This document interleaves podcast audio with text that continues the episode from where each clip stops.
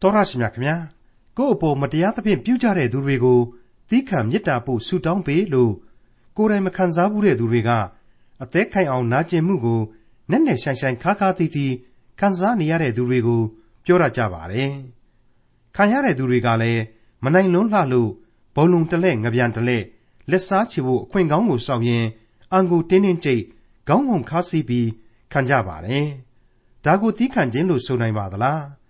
မနိုင်၍သီးခံခြင်းမျိုးသာဖြစ်ပါလိမ့်မယ်။မနိုင်၍သီးခံခြင်းမျိုးမဟုတ်သောခံတီမဖြစ်နိုင်ပါဘူး။မတရားပြုလာသမျှကို ပြန်လဲတုံ့ပြန်နိုင်ပါလျက်နဲ့ဘယ်လို့မှတုံ့ပြန်လက်စားချေခြင်းမပြုဘဲနေတာမျိုးသာလျင်စစ်မှန်တဲ့ခံတီဖြစ်ပါလိမ့်မယ်။ပြေဝစုံလင်တဲ့လူပောင်အဖွဲ့အစည်းတစ်ခုလို့ခေါ်ဝသမုတ်ခံရနိုင်ဖို့အတွက်ဘယ်အရာလိုအပ်ပါသလဲ။ဒီကနေ့ကဘာပေါ်မှာအမိကျက်အမိစားခေါင်းကျက်ခေါင်းစားနေကြတာဟာ ဘာကြောင့်လဲဆိုတာကို တွေ့ရမှာဖြစ်တဲ့ ခရိယံတမန်ကျမ်းရဲ့ ဓမ္မသစ်ကျမ်းပိုင်းတွေကကောလောသဲဩဝါဒစာအခန်းကြီး3အခန်းငယ်7ကနေ အခန်းငယ်16အထိကို ဒီကနေ့ သင်သိရသောတမန်ကျမ်းအစီအစဉ်မှာ လေ့လာမှာဖြစ်ပါတယ်။အရာရာတိုင်းမှာ နေရာတိုင်းမှာလစ်လျူရှု ဥပက္ခာပြုတာမျိုးဟာ မှန်ကန်သလားဆိုတာကိုလည်း အဖြေပေးထားတဲ့ ကောလောသဲဩဝါဒစာ အခန်းကြီး3အခန်းငယ်7ကနေ အခန်းငယ်16အထိကို ဒေါက်တာထွန်းမြတ်အေးကအခုလိုရှင်းလင်းဖော်ပြมาဖြစ်ပါတယ်။သင်သိရသောသမာကျမ်းသင်ခန်းစာများမှာပြီးခဲ့တဲ့ကောလောသဲဩဝါဒစာအခန်းကြီး3သင်ခန်းစာဟာနှစ်ပိုင်းရှိခဲ့ပါပြီ။ပထမအပိုင်းတုန်းကတော့ခရစ်တော်ကိုသာမျှော်ကြည့်ကြပါ။မြင့်မြင့်မြတ်မြတ်တည်ရှိနေတဲ့ကောင်းကင်ဘုံကိုသာမျှော်ကြည့်ခြင်းအဖြစ်မြေကြီးပေါ်မှာရှိသောအရာတွေကိုစွဲလန်းလို့မနေကြပါနဲ့တော့ဆိုပြီးတော့တမန်တော်ကြီးရှင်ပေါလုကတိုက်တွန်းနှိုးဆော်ခဲ့တဲ့အကြောင်းတွေကိုကျွန်တော်ဖော်ပြပေးခဲ့ပါတယ်။ အဲ့ဒီသင်ခန်းစာရဲ့အချုပ်ကိုတော့အငယ်လေးမှာကျွန်တော်တို့အခုလိုတွေ့ကြရပြီဖြစ်ပါတယ်ငါတို့အသက်ဒီဟုသောခရစ်တော်သည်ထင်ရှားတော်မူသောအခါငါတို့သည်လည်းထိုသခင်နှင့်အတူဘုံကြည့်၍ထင်ရှားကြလတံတဲ့ပြီးတဲ့နောက်မှာတော့ဒုတိယအပိုင်းအဖြစ်နဲ့အဲ့ဒီလိုမြင့်မြတ်ရာအရက်ကိုသာစိတ်ဆွဲလန်းခြင်းအဖြစ်ခရစ်တော်၌သခင်နှင့်အတူဘုံထင်ရှားရမယ်ယုံကြည်သူတို့အသက်တာအပေါင်းဟာ မြေပေါ်မှာရှိသောဇာတိပဂရိအကျင့်ဆိုးအမျိုးမျိုးဆိုတဲ့လူဟောင်းနဲ့ဆိုင်တဲ့မကောင်းတဲ့အကျင့်တွေဒုစရိုက်တွေကနေရှောင်ကျဉ်ကြရမယ်အဲ့ဒီလိုကိုကိုကိုတန်ရှင်းသူများဖြစ်အောင်ဇာတိခန္ဓာကိုခရစ်တော်နှင့်အတူသေစေကြလော့တနည်းအားဖြင့်မြေကြီးနဲ့ဆိုင်တဲ့အကျင့်တွေကိုဖျောက်ဖျက်ပစ်ကြခရစ်တော်အားဖြင့်လောကတတ်မဲ့ခြင်းဘယ်အရာကိုမဆိုချိုးနှိမ်ပစ်ကြခရစ်တော်ကိုသာယူဆောင်ကြဖြောင့်မတ်ခြင်းတရားဝိယုံကိုသာအသက်ဝတ်ဆင်ပြီးပြီဖြစ်လို့ဘဝသစ်ကိုချီတက်ကြ အဲ့ဒီလိုသာခရစ်တော်၌တည်မိကြမယ်ဆိုရင်အလုံးစုံတို့၌ပြည့်စုံခြင်းရှိလိမ့်မယ်။တနည်းအားဖြင့်ခရစ်တော်အားဖြင့်အောင်မြင်ခြင်းအခွင့်ကောင်းကျင်ဆုကျေးဇူးကိုရရှိကြလိမ့်မယ်ဆိုတာကိုဆက်လက်ဖော်ပြပေးခဲ့ပြီးဖြစ်ပါတယ်။အငယ်9မှ17ကိုဒီဒုတိယဘိုင်းနဲ့ပတ်သက်ပြီးတော့ပြန်ပြီးတော့ကြည့်ကြပါ။ ထို့ကြောင့်မတရားသောမေထုံ၌မှီဝဲခြင်းညဉ့်ညူးစွာကျင့်ခြင်းကိလေသာပူပန်ခြင်းဆိုးညစ်သောတတ်မဲ့ခြင်းရုပ်တုကိုကိုးကွယ်ခြင်းဖြစ်သောလောဘလွန်ကျူးခြင်းဒီဟုသောမြေကြီးပေါ်မှရှိသောသင်တို့၏ကိုယ်အင်္ဂါတို့ကိုသိစေကြလော့ထိုအမှုများကြောင့်ဘုရားသခင်၏အမျက်တော်သည်ညှင်းဆန်သောသူတို့အပေါ်၌သင့်ရောက်ပေ၏ ထိုသူတို့နှင့်သင်တို့သည်လည်းအထက်ကပေါင်းဖော်သောအခါထိုအမှုများ၌ကျင်လေကြ၏ယခုမူကားထိုအမှုအလုံးစုံတို့ကို၎င်းအမျက်ထွက်ခြင်းစိတ်ဆိုးခြင်းမနာလိုခြင်းသူ့အတရေပြက်အောင်ပြောဆိုခြင်းညစ်ညူးသောစကားကိုသုံးခြင်းတို့ကို၎င်းသင်တို့နှုတ်မှပယ်ရှင်းကြလော့အချင်းချင်းမှုသာစကားကိုမပြောမသုံးကြနှင့်အကြောင်းမူကား သင်တို့သည်လူဟောင်း၏အကျင့်တို့နှင့်လူဟောင်း၏ကိုယ်ကိုချွတ်ပယ်၍ဖန်ဆင်းတော်မူသောသူ၏ပုံသဏ္ဍာန်နှင့်အညီမှန်သောပညာအဖျင်အသစ်ပြုပြင်သောလူသစ်ကိုယူတင်ဝတ်ဆောင်သောသူဖြစ်ကြ၏ထိုဖန်ဆင်းပြုပြင်တော်မူရာ၌ဟေလသလူမရှိယုဒလူမရှိအယေပြားလှီးမင်္ဂလာခံခြင်းမရှိ မခံခြင်းမရှိလူရိုင်းမရှိသကုသိလူမရှိကျွန်မရှိ လူလွတ်မရှိခရစ်တော်သည်အလုံးစုံတို့၌အလုံးစုံဖြစ်တော်မူ၏ အဲ့ဒီလိုဖော်ပြခဲ့ခြင်းဖြစ်ပါတယ်မိတ်ဆွေဘုရားသခင်နဲ့သားတော်ကယ်တင်ရှင်သခင်ခရစ်တော်တို့ရဲ့နည်းနည်းရာဖြစ်တဲ့အသင်းတော်ရဲ့ကောင်းမြတ်သောကျင့်စဉ်တွေရဲ့အပိုင်းတွေဟာအခုကောလောသဲဩဝါဒစာအခန်း3အားဖြင့်ထင်ရှားပေါ်လွင်တဲ့ရှိနေပါတယ်မိษွေတို့ကျွန်တော်တို့ကိုအစဉ်တစိုက်ပြုစုပေးလျက်ရှိနေပါတယ် ဒီကနေ့အဖို့မှာတော့အထက်သင်ခန်းစာတွေမှာတွေ့ကြရတယ်ခရစ်တော်အားဖြင့်ခံစားကြရာစုမင်္ဂလာများနဲ့ပြည့်စုံသောအသင်းတော်များဖြစ်သည်နှင့်အညီခရစ်တော်၌ဘယ်လိုဘယ်ပုံဆက်လက်အသက်ရှင်ကြရလိမ့်အောင်မယ်ဆိုတာတွေ့ကိုတမန်တော်ကြီးအခုဆက်လက်ပြီးတင်ပြပါတော့မယ်ကောလောသဲဩဝါဒစာအခန်းကြီး3အငယ်7ထို့ကြောင့်သင်တို့သည်ဘုရားသခင်ရွေးကောက်တော်သူတန်ရှင်းတော်သူချစ်အပ်တော်သူကဲ့သို့ သနာစုံမဲ့ခြင်းကျေးဇူးပြုခြင်းစိတ်နှိမ်ချခြင်းနူးညံ့သိမ်မွေ့ခြင်းစိတ်ရှည်ခြင်းတို့ကိုယူတင်ဝတ်ဆောင်ကြလော့ဘုရားသခင်ရွေးကောက်တော်သူတန်ရှင်းသူချစ်အပ်တော်သူကဲ့သို့တဲ့စီကံလေးသတ်မှတ်လိုက်ပါတယ်တနည်းပြောရရင်တော့ထိုက်ထိုက်တန်တန်ခရိယန်ဆိုတဲ့အချက်ပဲ အဲ့ဒီထိုက်တန်သောသူများအနေနဲ့ဘယ်လိုစိတ်ဓာတ်မျိုးတွေကိုမွေးသင့်တယ်မွေးကြရမယ်ဆိုတာဒီကိုဖော်ပြပေးလိုက်ပါတယ်။တနာစုံမဲ့ခြင်းကျေးဇူးပြုခြင်းစိတ်နှိမ်ချခြင်းနူးညံ့သိမ်မွေ့ခြင်းနှင့်စိတ်ရှည်ခြင်းတဲ့မိတ်ဆွေခင်ဗျာဘုရားသခင်ရွေးကောက်ထားတဲ့လူဆိုတာဟာခရစ်တော်အဖင်ဖြောင့်မတ်ခြင်းဝိယုံကိုဆင်မြန်းထားသူပဲ ဖော်ပြခဲ့တဲ့အချက်တွေဟာအဲ့ဒီလူစီမှာဝိညာဉ်ပဂရိရဲ့အကျိုးကျေးဇူးများအဖြစ်ရှိကြရလိမ့်မယ်။အဲ့ဒီလက္ခဏာတွေရှိနေပြီဆိုရင်ဘသူဘဝကမှလက်မခံနိုင်ဘူးဆိုပြီးတော့ညင်းလို့လည်းမရဖြုတ်ချလို့လည်းမရတဲ့ရွေးကောက်ခြင်းခံရသူဖြစ်သွားပြီးပြီ။ခရစ်တော်အဖင်ရွေးကောက်ခြင်းခံရသူအသင်းတော်ဝင်ယုံကြည်သူပေါ့။ ဝိညာဉ်ပဂရိရဲ့အကျိုးကျေးဇူးတွေအကြောင်းကိုဂလာတိဩဝါဒစာအခန်းကြီး9အငယ်22မှာကလေးကကျွန်တော်တို့တွေ့ခဲ့ကြပြီးပါပြီအခုကောလောသဲဩဝါဒစာမှာအဲ့ဒီဝိညာဉ်ပဂရိရဲ့အကျိုးကျေးဇူးတွေကိုတခါထပ်ပြီးတော့ဖော်ပြလာပြန်တာပါပဲဝိညာဉ်ပဂရိကလာတယ်လို့ဆိုကြတဲ့ကကျွန်တော်ရဲ့ဇာတိပဂရိစိတ်တွေဟာဒါတွေကိုထုတ်ဖော်လို့မပေးနိုင်ပါဘူးနော်ပေးနိုင်စွမ်းမရှိပါဘူးနော်ဒါကိုကျွန်တော်တို့သတိပြုကြရပါမယ်ခရစ်တော်ရဲ့တန်ရှင်းသောဝိညာဉ်တော်နဲ့သားလျှင်ရယူနိုင်မှာဖြစ်ပါတယ် ဟုတ်ပါတယ်ရှောလမုန်တီချင်းကိုမိတ်ဆွေတို့ပြန်ပြီးတော့သတိရကြပါစားနေလောင်ထားပါတယ်အကြီးတန်ပါတယ်ဆိုတဲ့အရင်စပယ်လူကြေးတော်သူကလေးတယောက်ဟာအစကတည်းကအခြေခံခေါင်းတွေရှိပြီးသားဖြစ်တဲ့အတွက်ကြောင့်ငကိုရှိတဲ့အလျောက်ငကိုင်းထွက်ပြီးတော့သခင်ကြောင့်လှပလာရတယ်လို့ပဲပေါ့ ကျွန်တော်တို့မိษွေတို့အပြစ်သားလူသားအပေါင်းတို့ဟာလေဖန်ဆင်းခင်ကတည်းကဘုရားသခင်ဝိညာဉ်တော်နဲ့မှုတ်သွင်းခြင်းခံရတဲ့တတ္တဝါဖြစ်ပြီးသားပဲစာရမဏေနောက်ကိုဇာတိပဂရိအဖြစ်ကောက်ကောက်ပါအောင်လိုက်မိလို့သာလျှင်အပြစ်သားဘဝကိုကြဆင်းသွားရတယ်အပြစ်သားတွေဖြစ်သွားကြရတယ်ကယ်တင်ရှင်သခင်ခရစ်တော်အားဖြင့်အဲ့ဒီဇာတိအခြေခံမှာကိုကဝိညာဉ်ပါတဲ့လူသားဟာပြန်လဲပြီးတော့ဝိညာဉ်ပဂရိရဲ့အကျိုးကျေးဇူးများဖြစ်တဲ့အလှတရားတွေနဲ့ပြန်လဲထုံမှုန့်ဝေစာလာရနိုင်တယ် မိတ်ဆွေရှောလမုန်တီချင်းမှာအဲ့ဒီသူ့ချစ်သူကိုသူ့သခင်ဟာအနမ်းလက်ဆောင်လေးပေးလိုက်ခြင်းအဖြစ်မေတ္တာတော်အလံအောက်ကိုရောက်သွားတယ်ဆိုတာကိုကျွန်တော်တို့တွေ့ကြရပြီဖြစ်ပါတယ်အဲ့ဒီအတိုင်းပါပဲပျောက်သောသားအကြောင်းကိုလည်းမိတ်ဆွေတို့ပြန်ပြီးတော့သတိရကြပါရှင်လုကာခရစ်ဝင်ကျမ်းမှာလေ့လာလိုက်မယ်ဆိုရင်ဒီသားဟာသားအဆင့်ကနေတပြားသားမှမလျော့ဘူးဒါကြောင့်မလို့ပျောက်သောသားတဲ့မရှင်းဘူးလား သိုးသောမိုက်သောပျောက်သောသားအဖြစ်ဝေးစွာသောပြည်လို့ခေါ်တဲ့အရက်ကိုအဲ့ဒီပျောက်သောသားရောက်သွားတယ်ကာမဂုဏ်အာယုန်နေမတရားသောမေထုံနေညဉ့်ညူးသောအမှုအရာတွေနဲ့ကျင်လည်ခဲ့တယ်အဖပေးလိုက်တဲ့ပိုက်ဆံတွေအကုန်ဖြုံးပြီးတော့နောက်ဆုံးကျတော့ဝက်မစင်တော်ကိုရောက်သွားရတဲ့အထိအခြေအနေကနှိမ်ပါသွားရတယ်အဲ့ဒီအချိန်မှာဝဲဆိုတဲ့ပြည့်ညတ်တော်အရာအလွန်ရှောင်ရတဲ့အကောင်မျိုးနဲ့တောင်မှဖက်ပြီးတော့ အနှိမ့်စားတတ္တဝါနဲ့တောင်မှဖက်ပြီးတော့အစာလူစားခြင်းတဲ့အထိအဆင့်နှိမ်ပါသွားရတယ်ဆိုတာကိုကျွန်တော်တို့တွေ့ရတယ်အဲ့ဒီလိုသားအဆင့်ကနေသားအဆင့်မှာပဲတည်နေသူပျောက်သောသားဟာနောင်တနဲ့ကြေကွဲသောနှလုံးသားနဲ့အဖေကြီးစီကိုပြန်လာတော့အဖေကြီးဘာလုပ်တယ်လေတခါတည်းပြေးပြီးတော့ဖက်ရန်ကြိုးဆိုတယ်နန်းတယ်အဲ့ဒီအနန်းကြတော့မေတ္တာတော်အလံအောက်ကနေဖောက်ပြန်ပျက်စီးပြန်သောပျောက်သောသားကိုခွင့်လွတ်တဲ့အနန်းပါပဲ အပြစ်ကနေခွင့်လွတ်ယုံသားမကသေးပါဘူးနော်ဖြောင့်မတ်ခြင်းဝိယုံကိုဝတ်ဆင်ပေးတယ်တန်ရှင်းခြင်းအထိန်အမှတ်အဖြစ်ဘုံတကောအဆောင်အယောင်ဖြစ်တဲ့လက်စွပ်ကိုဆင်မြန်းပေးတယ်ပြီးတဲ့နောက်လောကနဲ့သက်ဆိုင်တဲ့တာဝန်တွေကိုပါခွဲဝေချထားပေးလိုက်တယ်ဆိုတာတွေကိုကျွန်တော်တို့တွေ့ရပါတယ်ရှင်လုကာခရစ်ဝင်ကျမ်းအခန်းကြီး15အငယ်16ကနေ24အတွင်းမှာကျွန်တော်ပြန်ပြီးတော့ဖတ်ပြခြင်းပါတယ်ငါထ၍အဖထံသို့သွားမည်အဖအကျွန်ုပ်သည်ဖျားသခင်ကို၎င်းကိုတော်ကို၎င်းပြစ်မှားပါပြီ ယခုမှစ၍ကိုတော်ဤသားဟု၍ခေါ်ခြင်းကိုမခံတိုက်ပါသူငါအရာ၌အကျွန်ုပ်ကိုထားတော်မူပါဟုငါပြောမည်ဟုအကြံရှိသည်နှင့်ထ၍အဖထံသို့သွားလေ၏သွား၍ဝေးသေးသောအခါအဖသည်သူ့ကိုမြင်လျင်သနာသောစိတ်ရှိသည်နှင့်ပြေးသွား၍သား၏လေပင်ကိုပိုက်ဖက်လျက်နမ်းရှုံလေ၏သားကလည်းအဖအကျွန်ုပ်သည်ဘုရားသခင်ကို၎င်းကိုတော်ကို၎င်းပြစ်မှားပါပြီ ယခုမှစ၍ကိုတော်ဤသားဟု၍ခေါ်ခြင်းကိုမခံတိုက်ပါဟုဆိုလျင်အဖကမြတ်သောဝတ်လုံကိုယူခဲ့၍သူ့ကိုခြုံကြသူ၏လက်၌လက်စွပ်တစားကိုဆင်ကြခြေနှင်းကိုလည်းစီးစီကြစူအောင်ကျွေးသောနွားကလေးကိုလည်းယူ၍သတ်ကြတို့ပြီးမှငါတို့သည်စားကြဂုံအံ့ပျော်မွေ့ခြင်းကိုပြုကြဂုံအံ့ငါသားသည်အထက်ကသေ၏ယခုရှင်ပြန်၏အထက်ကပျောက်၏ယခုတွေ့ပြန်၏ဟုအစေအပါတို့ကိုဆိုပြီးမှထိုသူအပေါင်းတို့သည်ပျော်မွေ့ခြင်းကို ပြုကြ၏ဒီအကြောင်းတွေအကုန်လုံးကိုပြန်ပြီးတော့တက်တည်တည်မယ်ဆိုရင်တော့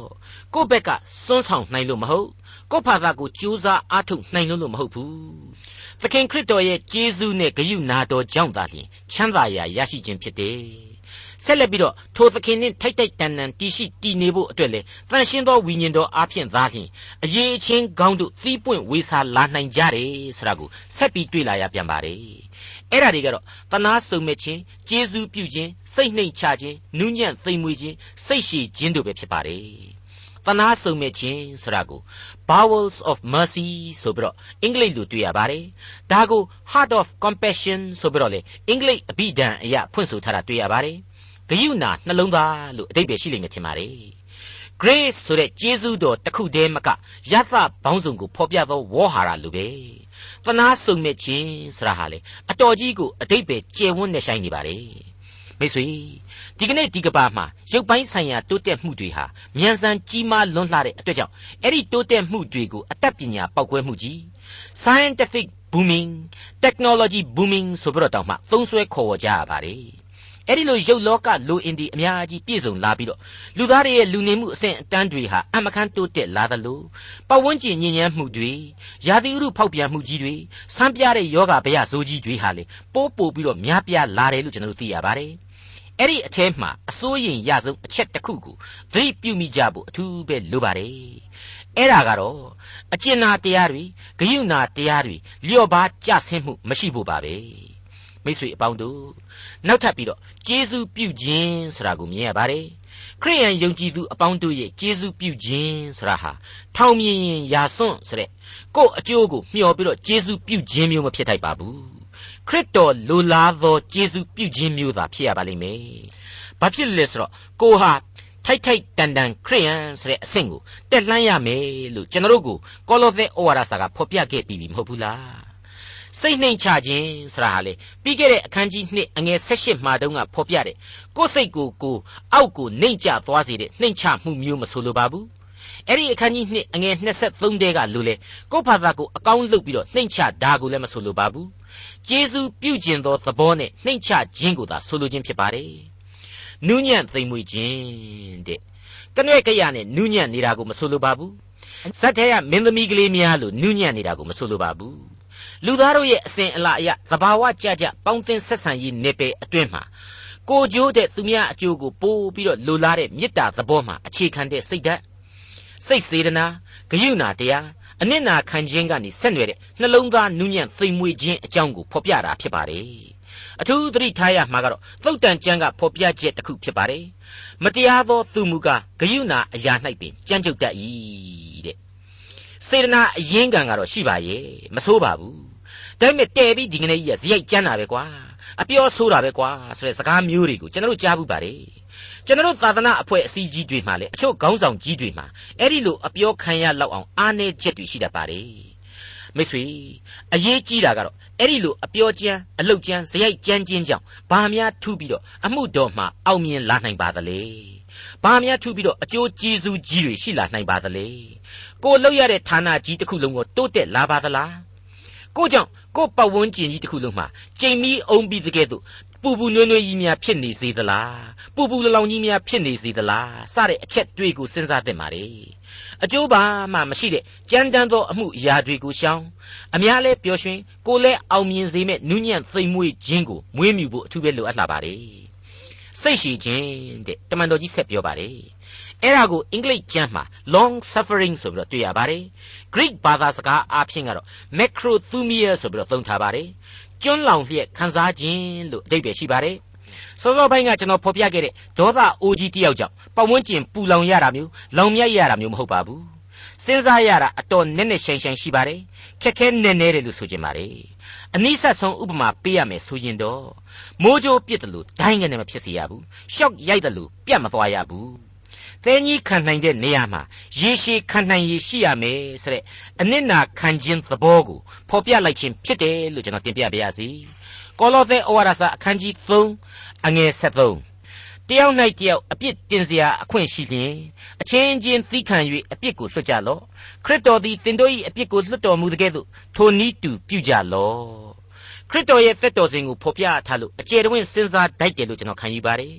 ခရစ်တော်ဟာနူးညံ့သိမ်မွေ့မှုရှိပါတယ်။ဒါပေမဲ့ကျွန်တော်စောစောတုန်းကပြောခဲ့သလိုကနွဲ့ကရသဲကြီးခံခြင်းမဟုတ်ဘူး။နူးညံ့သိမ်မွေ့ခြင်းမဟုတ်ဘူး။ကျမ်းတက်တွေဖာရိရှဲတွေကိုအပြစ်တင်စရာရှိရင်အပြစ်တင်ကြိမ်းမောင်းပါတယ်။ဗိမာန်တော်ကကုံတယ်တွေနဲ့ပွဲစားတွေကိုလည်းရိုက်နှက်ဆုံးမခဲ့တယ်ဆိုတာတွေကိုသူ့အသက်တာမှာဖော်ပြခဲ့ပါတယ်။ဒါတွေအကုန်လုံးဟာကဲတင်ခြင်းတရားကိုသူကာကွယ်ခြင်းတစ္ဆာတရားကိုလူသားတို့ကိုနားလည်စေခြင်းစာရမဏတ်ကိုဘုရားသခင်ကတိုက်ခိုက်ခြင်းသဘောတွေပဲဖြစ်နေပါလေ အဲ့ဒီလိုအမှုတော်အတွက်အင်အားကိုသုံးဆွဲခဲ့တဲ့သခင်ဟာအသေးခံတော်မူတဲ့နေရာမှာကြတော့သိုးတငယ်လေးတကောင်လိုပဲနှိမ့်ချစွာခံယူပေးခဲ့တယ်ဆိုတာကိုကျွန်တော်အထူးပဲသတိရဖို့လိုပါတယ်အခုကျမ်းဖော်ပြချက်တွေအရကျွန်တော်လူအဖွဲ့အစည်းအတွင်းမှာပြဿနာတွေအမျိုးမျိုးပေါ်တတ်တယ်မကြေမလဲဖြစ်တာတွေရှိတတ်တယ်ပရိဘက်ခတွေဆိုတာမကင်းနိုင်ဘူးဆိုတာကိုသိနာလေစီပါတယ် ဒါပေမဲ့အဲ့ဒီလိုပရိဘက်ခနဲ့ဘယ်နေရာမှမကင်းနိုင်တဲ့လူအဖွဲ့အစည်းအတွင်းမှာပြဿနာများပေါ်ခဲ့သည်ရှိသောခရစ်တော်နှင့်အတူဖြေရှင်းကြပါကိုဟာသူ့ရဲ့ကျေးဇူးတော်ကိုခံစားရသူသူ့ရဲ့အပြစ်လွတ်ခြင်းအခွင့်ကိုခံရသူမို့လို့သူတစ်ပါးအပြစ်ရှိတယ်လို့ထင်ရင်တောင်းမှအပြစ်လွတ်ခြင်းမေတ္တာနှင့်သားလျင်လူအချင်းချင်းဆက်ဆံပါပြေလည်အောင်ဖြေရှင်းပါအဲ့ဒါကိုဆိုလိုခြင်းဖြစ်ပါတယ်မိတ်ဆွေအဲ့ဒီပုံစံဟာအလွန်ထိရောက်ပြီးတော့အကျိုးကျေးဇူးကြီးမားတယ်လို့ကျွန်တော်ခံယူပါတယ် လက်တွေ့ကြတယ်လို့လည်းကျွန်တော်ခံယူပါတယ်ဟုတ်ပါတယ်အသက်တာမှာစိတ်လွတ်ကိုလွတ်တည်သွားလှုပ်ကြည့်ဆိုရင်ဘယ်အဖွဲ့အစည်းမှမှအေယာမရံပွဲကြီးတွေနဲ့ကင်းနိုင်မယ်မဟုတ်ပါဘူးသူ့အမားကနေကို့အမားတွေဖြစ်ကုန်မှာတွေသေးသေးဖွဲဖွဲကနေပြီးတော့အမိုက်ကစပြတ်သက်မိလောင်မှုတွေဟာအများကြီးဖြစ်ကုန်နိုင်ပါတယ်ဒါကြောင့်မလို့ခရစ်တော်ကိုယုံကြည်သူဟာခရစ်တော်ရဲ့ပုံသက်တွေကိုအတတ်နိုင်ဆုံးဆောင်ယူတာဟာအကောင်းဆုံးပဲလို့ကျွန်တော်လေးစားစွာတင်ပြလိုက်ပါရစေ ကောလောသဲဩဝါဒစာအခန်းကြီး3အငယ်14စုံလင်ခြင်းအဖွဲ့အစည်းဒီဟုသောချစ်ချင်းမေတ္တာကိုထပ်၍ယူတင်ဝတ်ဆောင်ကြလော့ကဲအရာရာရဲ့အထက်လွှာမှာကတော့ချစ်ချင်းမေတ္တာပဲတဲ့ဒါကိုပို့ပြီးတော့အတိအကျသိရအောင်ပြောလိုက်တာကစုံလင်ခြင်းအဖွဲ့အစည်းဒီဟုသောချစ်ချင်းမေတ္တာတဲ့ဟုတ်ပါတယ် ဂလာတိဩဝါဒစာကိုလေ့လာကြတဲ့ကဝိညာဉ်ပဂရိအကျိုးများဆိုပြီးတော့မပြောဘူးဝိညာဉ်ပဂရိအကျိုးမူကားဆိုပြီးတော့သာစတင်နေအဲ့ဒါကတော့ချစ်ချင်းမေတ္တာပဲအဲ့ဒီချစ်ချင်းကပြီးတော့မှတနွေငင်ဒဇင်ဘာဆိုသလိုနောက်ထပ်မရေမတွက်နိုင်တဲ့ကျေးဇူးတွေဟာဆင့်ပွားပေါ်ထွက်စေတယ်ဆိုတာကိုကျွန်တော်မြင်ခဲ့ကြရပါပြီဒါကိုအခုကောလောသဲဩဝါဒစာအဖြစ်တမန်တော်ကြီးကထပ်မံအတည်ပြုပေးပါတယ် အထက်ကတွေ့ခဲ့ရတဲ့အတိုင်းသနာကျင်နာခြင်းတွေကျေးဇူးပြုခြင်းတွေစိတ်နှိမ်ချမှုဆိုတာတွေနူးညံ့သိမ်မွေ့ခြင်းတွေစိတ်ရှည်တာတွေဟာဖျားသခင်ရွေးကောက်ခံရသူဖျားသခင်ကိုယုံကြည်ကိုးကွယ်သူတို့အနေနဲ့ထိုက်တန်တဲ့စိတ်ဓာတ်များအဖြစ်မွေးမြူရမှာကိုပနာမပြိုပါတယ်နောက်တစ်ဆင့်အနေနဲ့အချင်းချင်းခွင့်လွှတ်ခြင်းဆိုတဲ့ခရစ်တော်ပြသခဲ့တဲ့ပုံဥပမာအတိုင်းပြဿနာအဝဝကိုဖြေရှင်းစေရမယ်ဆိုတာတွေ့ကိုဆက်လက်တက်လှမ်းဖော်ပြပါတယ် စုံလင်ခြင်းအဖွဲ့အစည်းဒီဟုသောချစ်ချင်းမေတ္တာကိုထပ်၍ယူတင်ဝတ်ဆောင်ကြလော့တဲ့မိတ်ဆွေအဲ့ဒီလိုချစ်ချင်းမေတ္တာကိုနောက်ဆုံးကြမှာဖော်ပြတာဟာပါလေချစ်ချင်းမေတ္တာကိုဦးစားမပေးတာလားဆိုတော့အဲ့ဒီသဘောအရှင်းမဟုတ်ဘူးကျွန်တော်မြင်ခဲ့ရတဲ့အတိုင်းပဲစုံလင်ခြင်းအဖွဲ့အစည်းဒီဟုသောချစ်ချင်းမေတ္တာဆိုပြီးတော့ရေးသားဖော်ပြထားတဲ့ဆိုကြဲကအတိတ်ဘယ်ဟာနှခွမရှိပါဘူးစုံလင်ခြင်းအဖွဲ့အစည်းသို့မဟုတ်ချစ်ချင်းမေတ္တာသည်အဓိက ဒီကနေ့သင်ခန်းစာရဲ့အစဖြစ်တဲ့အငယ်၁၂မှာပြန်ပြီးကြည့်လိုက်မယ်ဆိုရင်ထို့ကြောင့်သင်တို့သည်ဘုရားသခင်ရွေးကောက်တော်သူတန်ရှင်းတော်သူချစ်အပ်တော်သူကဲ့သို့ဆိုပြီးတော့တွေ့ရပါတယ်အဲ့ဒီလိုပနာမပြုထားပါတယ်ဘုရားသခင်ချစ်ချင်းမေတ္တာနှင့်ထိုက်တန်သောသူကဲ့သို့ဖြစ်ရမယ်ဆိုတဲ့သဘောကိုဖော်ကျူးထားပါတယ်ရှင်ယောဟန်ခရစ်ဝင်ကျမ်းအခန်းကြီး3အငယ်16အရဆိုရင်လေကျွန်တော်တို့အမြဲကြားနေရတဲ့အချက်အဖြစ် ဘုရားသခင်သားတော်ကိုယုံကြည်သောသူအပေါင်းတို့သည်ပျက်စီးခြင်းသို့မရောက်ထာဝရအသက်ကိုရစေခြင်းဟာဘုရားသခင်သည်တပါးရီသောသားတော်ကိုစွန့်တော်မူသည့်တိုင်အောင်လောကီသားတို့ကိုချစ်တော်မူ၏တဲ့အဲ့ဒီလိုကျွန်တော်တို့တွေ့ကြရပြီဖြစ်ပါတယ်အဲ့ဒီလိုဖွင့်ဆိုထားတဲ့အထိကြီးမားတဲ့အနန္တတကုရှင်ဘုရားသခင်ရဲ့ချစ်ချင်းမြတ်တာတော်ခရစ်တော်ရဲ့သက်ဆွန်ခြင်းချစ်ချင်းမြတ်တာတော်အဲ့ဒီအချက်တွေဟာကိုယ့်ဘက်ကချစ်ချင်းမေတ္တာမရှိဘဲနဲ့ဘယ်လို့မှမထိုက်တန်နိုင်ဘူးဆိုတာဟာရှင်းလင်းပြတ်သားစွာအဖြစ်ပေါ်နေပါတယ် ဟုတ်ပါတယ်အခုကောလောသဲအသင်းသားတို့စီမှာဆိုရင်ယုံကြည်ခြင်းချစ်ခြင်းမျှော်လင့်ခြင်းဆိုတဲ့ပါရမီတွေနဲ့ပြည့်စုံခဲ့ပြီဆိုတာကိုဒီဩဝါဒစာရဲ့အစမှာကလေးကရှင်ပေါလုဖော်ပြခဲ့ပြီးဖြစ်ပါတယ်အခန်းကြီး1အငယ်3နဲ့5မှာပြန်ကြည့်လိုက်မယ်ဆိုရင်သင်တို့သည်ယေရှုခရစ်ကိုယုံကြည်၍တန်ရှင်းသူအပေါင်းတို့ကိုချစ်ကြသည်ဟုငါတို့သည်ကြားသဖြင့်၎င်း တမန်တရားကြီးဟုသောဧဝံဂေလိတရားကိုသင်တို့သည်အထက်ကကြားသိကြသည့်အတိုင်းသင်တို့အဖို့ကောင်းကင်ဘုံ၌သို့ထားသောမျှော်လင့်ရာကိုထောက်သဖြင့်၎င်းသင်တို့အဖို့အစင်မပြတ်ဆုတောင်း၍ငါတို့သခင်ယေရှုခရစ်ခမည်းတော်ကြီးဟုသောဘုရားသခင်ဤကျေးဇူးတော်ကိုချီးမွမ်းကြ၏အဲ့ဒီလိုဖော်ပြခဲ့ပြီးဖြစ်ပါတယ် ဒီတော့အခုလိုကောလောသဲအသင်းတော်ရဲ့စောင့်ထိန်လိုက်နာအပ်တဲ့ကျင့်စဉ်တွေကိုအရင်ဖော်ပြပြီးမှချစ်ချင်းမေတ္တာကိုနောက်ဆုံးမှထပ်ဆင့်ယူဆောင်ကြလောဆရာဟာချစ်ချင်းမေတ္တာကိုဦးစားမပေးခြင်းမဟုတ်ချစ်ချင်းမေတ္တာသည်အရာရာတို့၏ပြေဝစုံလင်ခြင်းအကြောင်းဖြစ်သည်ဆိုတာကိုသာဗราဏကြသောဝိညာဉ်ပဂရိ၏အကျိုးဖြစ်ကြောင်းဖော်ပြခြင်းနဲ့အတွက်ကြောင့်သီးသန့်ဖော်ပြလိုက်ခြင်းပဲလို့ကျွန်တော်တင်ပြလိုက်ပါရစေကောလောသဲဩဝါဒစာအခန်းကြီး3အငယ်15 သင်တို့စိတ်နှလုံးအထက်၌ခရစ်တော်၏ငြိမ်သက်ခြင်းအုပ်စိုးစေထိုသောအလိုငှာသင်တို့သည်တလုံးတကိုယ်ဒီ၌ခေါ်ထားတော်မူခြင်းကိုခံကြသည်ဖြစ်၍ကျေးဇူးတော်ကိုသိသောစိတ်ရှိကြလော့မိတ်ဆွေအပေါင်းတို့စိတ်ချမ်းသာကိုယ်ချမ်းသာရှိကြပါစေပန်းလိုမှုေးပြီးတော့ရေလိုအေးကြပါစေရွှင်လန်းချမ်းမြေ့ကြပါစေစသည်စသဖြင့်ကျွန်တော်တို့ဆုတောင်းပေးတတ်ကြပါ रे အခုတမန်တော်ကြီးကတော့သင်တို့စိတ်နှလုံးထဲ၌ခရစ်တော်ဤငြိမ်သက်ခြင်းအုပ်စိုးစေဆိုပြီးတော့ဆန္ဒပြုလိုက်ပါတယ်ဟုတ်ပါတယ်ဆုတောင်းပေးခြင်းသဘောတဲ့ဆန္ဒပြုခြင်းသဘောပါဒီငြိမ်သက်ခြင်းဟာအိပ်ပျော်နေတဲ့ငြိမ်သက်ခြင်းမဟုတ်စိတ်ငြိမ်စေတခုခုသောက်လို့ရထားတဲ့ငြိမ်သက်ခြင်းမျိုးလည်းမဟုတ်ဘူးခရစ်တော်ဤငြိမ်သက်ခြင်းဆိုတာကိုသတိပြုကြပါပြီးတော့သင်တို့နှလုံးသားအတွင်းတဲ့ ထူးနေတဲ့အချက်ပါပဲအဲ့ဒီနှလုံးသားအတွင်းမှာခရစ်တော်၏ငြိမ်သက်ခြင်းအုပ်စိုးစေဆိုတဲ့ဆန္ဒပြုခြင်းဟာလူတွေကိုခရစ်တော်အဖင်ငြိမ်သက်ခြင်းကိုရယူကြစေခံယူကြစေဆိုပြီးတော့တိုက်တွန်းလိုက်သောဆန္ဒပြုခြင်းပဲဖြစ်ပါလေ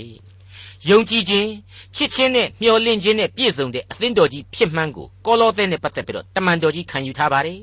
ဒါပေမဲ့စိတ်ချပါသလားအရှင်းစိတ်မချပါဘူး စိတ်ချနေမှဖြစ်ရင်လေလက်အညောင်းခံပြီးတော့ဒီဩဝါဒစာကြီးကိုသူဘယ်လိုလုပ်ရေးနေတော့မှလဲအခုတော့ရေးတယ်ကောလောသဲတင်မကဒီကနေ့ကျွန်တော်တို့ယုံကြည်သူတွေအထိဇာတိပဂရိနှလုံးသားတွေဟာအလွန်အလွန်ရိမ့်ညွယ်ပါဖြစ်တတ်တယ်အပြစ်ဒုစရိုက်အတွေ့အခေါ်တွေဝင်ရောက်မှွေနှောက်တတ်တယ်ဆိုတဲ့အချက်ကိုသူလက်မလွတ်ဘူးလူသားရဲ့အာနယ်ချက်ကိုသူအကျွင့်မဲ့ရင်ထဲမှာသို့ဝှက်ထားတယ် ရိမ့်ညွဲ့ပါသာဖြစ်တတ်တဲ့လူသားရဲ့ဇယိုက်ကိုသူဟာဝိညာဉ်တော်အရှိန်တကူအဖြစ်နောကြည်အောင်နားလေတယ်မင်းတို့အတွက်ကတော့ဟေးဘာဆိုဘာမှပြောနေစရာမလိုတော့ပါဘူးကွာကောင်းကင်ဘုံကိုမင်းတို့တန်းပြီးတော့တက်ရမှာငါသိတယ်ဟေးဆိုတာမျိုးတစ်ချက်မှမပြောဘူးအခြားသောစုံစမ်းနှောက်ယှက်ခြင်းတွေလူအလိုဆန္ဒတွေကိုဖယ်ထုတ်ပြီးတော့ခရစ်တော်ဤငြိမ်သက်ခြင်းသာမင်းတို့ယင်ထဲမှာအုပ်ဆိုးခြင်းခံစားကြပါ ခရစ်တော်ဤငြိမ်သက်ခြင်းသင်တို့ယင်၌အုပ်စိုးစေတဲ့မရှင်းဘူးလားပြီးတဲ့နောက်မှာဆက်လိုက်ပါတယ်ထို့သောအလိုငှာသင်တို့သည်တလုံးတကိုယ်ဒီ၌ခေါ်ထားတော်မူခြင်းကိုခံကြသည်ဖြစ်၍ကျေးဇူးတော်ကိုသိသောစိတ်ရှိကြလော့အဲ့ဒီလိုငြိမ်သက်ခြင်းအုပ်စိုးနိုင်ဖို့အတွေ့ကယ်တင်ရှင်သခင်ခရစ်တော်ရဲ့ခေါ်တော်မူခြင်းကိုခံကြပြီးဖြစ်သောယုံကြည်သူတို့ဟာကျေးဇူးတော်ကိုသိနာလေသောစိတ်ရှိကြရလိမ့်မယ်တဲ့ ကောလောသဲဩဝါဒစာအခန်းကြီး3အငယ်16ခရစ်တော်၏နှုတ်ကပတ်တရားသည်ပညာအမျိုးမျိုးနှင့်သင်တို့အထက်၌ကြွယ်ဝစွာတည်နေ၍သင်တို့သည်ဆာလံတိခြင်းမှစသောဓမ္မတိခြင်းအမျိုးမျိုးအပြင်အချင်းချင်းတို့ကိုဆုံးမသွန်သင်ခြင်းသတိပေးခြင်းကိုပြု၍နူးညွတ်သောစိတ်နှလုံးနှင့်ဘုရားသခင်ရှေ့တော်၌တင့်တယ်လျှောက်ပတ်စွာတည်ခြင်းဆိုကြလော့ နှလုံးသားအတွင်း၌ငြိမ်သက်ခြင်းတည်ပါစေလို့ဆိုခဲ့ပြီးဖြစ်တယ်လို့နှုတ်ကပတ်တရားတော်သည်ပညာအမျိုးမျိုးနှင့်သင်တို့နှလုံးသားထဲမှာဆက်၍တည်နေပါစေတဲ့ဟုတ်ပါတယ်ခရစ်တော်ကိုယ်တော်တိုင်ဟာစပြည့်နွယ်ပင်ဥပမာအကြောင်းကိုသွန်သင်ခဲ့တဲ့အချိန်မှာသင်တို့သည်ငါဟောပြောသောစကားအဖြစ်ယခုပင်ရှင်းလင်းလျက်ရှိကြ၏ငါ၌တည်နေကြလောငါသည်လည်းသင်တို့၌တည်နေမည်တဲ့ အဲ့ဒါဟာနှုတ်ကပတ်တော်၌နှလုံးသားအမြင့်ဆွဲစီဖို့တိုက်တွန်းလိုက်ခြင်းပဲဒီတိုက်တွန်းချက်ကိုပဲခရစ်တော်ရဲ့အမှုတော်ဆောင်ကြီးဟာအခုအချိန်မှာကောလောသဲဩဝါဒစာအဖြစ်ဆက်လက်ဖော်ပြပေးလိုက်ပါတယ်နှုတ်ကပတ်တရားတော်သည်ပညာအမျိုးမျိုးနှင့်သင်တို့နှလုံးသားမှာတည်နေပါစေတဲ့မိတ်ဆွေအပေါင်းတို့ဆက်လက်ဖော်ပြထားတာရှိပါသေးတယ်။ဆာလံတီချင်းမှစသောဓမ္မတီချင်းအမျိုးမျိုးအားဖြင့်အချင်းချင်းတို့ကိုဆုံးမသွန်သင်ခြင်းသတိပေးခြင်းပြုကြတဲ့။ ဟုတ်ပါတယ်။ကျွန်တော်တို့သုတ်တန်ကျမ်းသင်ခန်းစာတွေကိုမှတ်မိကြတယ်မဟုတ်ဘူးလား။အချက်၄ချက်ကိုကျွန်တော်ထုတ်နှုတ်ဖော်ပြပေးခဲ့ပါတယ်။ထာဝရဘုရားကိုကြောက်ရွံ့သောသဘောသည်ပညာ၏အချုပ်အခြာဖြစ်၏။ထာဝရဘုရားကိုကြောက်ရွံ့ခြင်းသဘောသည်ပညာကိုသွန်သင်ဝေမျှခြင်းဖြစ်၏။ထာဝရဘုရားကိုကြောက်ရွံ့ခြင်းသဘောသည်ဒုစရိုက်ကိုရှောင်ခြင်းဖြစ်၏။ထာဝရဘုရားကိုကြောက်ရွံ့ခြင်းသဘောသည်အသက်ရှင်ခြင်းနှင့်ဆိုင်၏တဲ့။ ဟုတ်ပါတယ်မိတ်ဆွေ။ဒါကြောင့်မို့လို့အသင်းတော်အတွင်မှာဖြစ်စေအပြင်မှာဖြစ်စေဆက်လက်ပြီးတော့ကိုယ့်ကိုပြုတော်မူသောကျေးဇူးတော်မိမိခံစားရယူခဲ့ရသောကယ်တင်ရှင်ကျေးဇူးတော်တို့ပမာဏအတိုင်းပဲဝေမျှပေးနိုင်ရလိမ့်မယ်။သွန်သင်လမ်းပြခြင်းလည်းပြုနိုင်ကြရလိမ့်မယ်။မိတ်ဆွေအပေါင်းတို့ဒီလိုခရစ်တော်၏ငြိမ်သက်ခြင်းနဲ့နှုတ်ကပတ်တော်၏ပညာအမျိုးမျိုးပြည့်ဝလာတဲ့နှလုံးသားဟာ ဇာတိပဂရိဖြစ်တဲ့ညဉ့်ညူးမှုတို့အပြည့်အဝရှိနေသောနှလုံးသားတွေနဲ့တခြားစီဖြစ်သွားတဲ့အတွက်ကြောင့်ယံမဖြစ်တော့ဘူးဓာတ်တပြက်ဒုတ်တပြက်မလုပ်တော့ဘူးတန်ဖိုးမရှိတဲ့သရုပ်ပြက်ဇလန်းတွေကိုကြည့်မဟုတ်ကဟုတ်ကတွေပြောပြီးတော့အညီအဟောက်တွေပေါ်မှာပဲစိတ်ဖန်မနေတော့ဘူးစိတ်အားထက်သန်မနေတော့ဘူးအကျိုးပြုသောအသက်တာဝမ်းမြောက်ပျော်ရွှင်သောအသက်တာကျေးဇူးတော်ချီးမွမ်း၍သီချင်းဆိုသောအသက်တာအဖြစ်ပြောင်းလဲသွားကြရလိမ့်မယ်ဒါကိုပဲတမန်တော်ကြီးဟာတိုက်တွန်းအားပေးလိုက်ခြင်းပဲဖြစ်ပါတယ် မိษွေအပေါင်းတို့တည်ခြင်းဆိုကြလောတဲ့ရှင်ပေါလုကရိုးရိုးလေးပဲတိုက်တွန်းပြလိုက်ပါတယ်တည်ခြင်းတွေဟာအမျိုးမျိုးရှိနေပါတယ်အဲ့ဒီထဲကငိုခြင်းတွေတို့ဤမရဏနိုင်ငံတေးပွဲတွေအနတ္တတေးပွဲတွေကိုဆိုကြင်ကြပါသလားဒေသနာကျမ်းမှာဆိုရင်အနတ္တဝါရီကြီးရှောလမုန်ကတော့အနတ္တလူဘဝအကြောင်းကိုလွန်းလွန်းဆွေးဆွေးကြီးအခုလိုမှတ်တမ်းတင်ခဲ့တာကိုကြားနာခဲ့ကြရပါတယ်ဒေသနာကျမ်းအခန်းကြီး7အငယ်9မှ9အတွင်းကအနှစ်ချုပ်မှာအခုလိုတွေ့ရပါတယ် လူသည်ထာဝရနေရာအိမ်ဖြစ်သောမြေကြီးသားတို့သွားရလမ်းအတိုင်းသွားရတဲ့အတွက်ကြောင့်သေကံနီးလာတဲ့အချိန်မှာငိုခြင်းသည်တွေဟာလမ်းတွေမှာလှဲ့လေနေတာကိုတွေ့ရပါတယ်တဲ့အဲ့ဒီအချိန်ရောက်ပြီဆိုရင်လူသားဟာအနတ္တယုတ်ကလတ်ကြီးဖြစ်တော့မှာမဟုတ်လို့ဖုတ်လိုက်ဖုတ်လိုက်နဲ့မျော့နေပြီတဲ့အဲ့ဒီသဘောမျိုးသူဖော်ပြခဲ့ပါတယ်အဲ့ဒီလိုအနတ္တတေးကိုတီးဆိုခြင်းကြပါသလား အဲ့ဒီလိုမှမဟုတ်ရင်လေကယ်တင်ရှင်သခင်ခရစ်တော်ရဲ့အကြောင်းကိုကလိတိတိယိတိတိနဲ့သချင်းလုံးပြီးတော့ဆက်ဆူခဲ့တဲ့အယက်သမားဂျဘိုးတေလီတွေနဲ့အတူအသံသေးအသံကြောင်တေးသချင်းတွေကိုတီးဆိုကြခြင်းပါသလား69ခုမြောက်သောဆာလံမှာသေသောကျူးတို့သည်အကျွန်ုပ်ကိုအကြောင်းပြုလျက်တေးဖွဲ့၍ဆိုတတ်ကြပါ၏တဲ့အဲ့ဒီလိုအနတ္တတေးတွေမထီမဲ့မြင်ပြုတဲ့တေးတွေကိုမဆိုစေခြင်းပါဘူးမိတ်ဆွေကျေးဇူးတော်ချီးမွမ်းခြင်းတေးများကိုသာဆိုစေခြင်းပါတယ် ဒေါက်တာထွန်းမြတ်၏စီစဉ်တင်ဆက်တဲ့တင်ပြတော်သမကျမ်းအစီအစဉ်ဖြစ်ပါတယ်။နောက်တစ်ချိန်အစီအစဉ်မှာခရိယန်သမကျမ်းရဲ့ဓမ္မသစ်ကျမ်းပိုင်းတွေကကောလောသဲဩဝါဒစာအခန်းကြီး3အခန်းငယ်18ကနေအခန်းငယ်25အထိကိုလေ့လာမှာဖြစ်တဲ့အတွက်စောင့်မျှော်နားဆင်နိုင်ပါတယ်။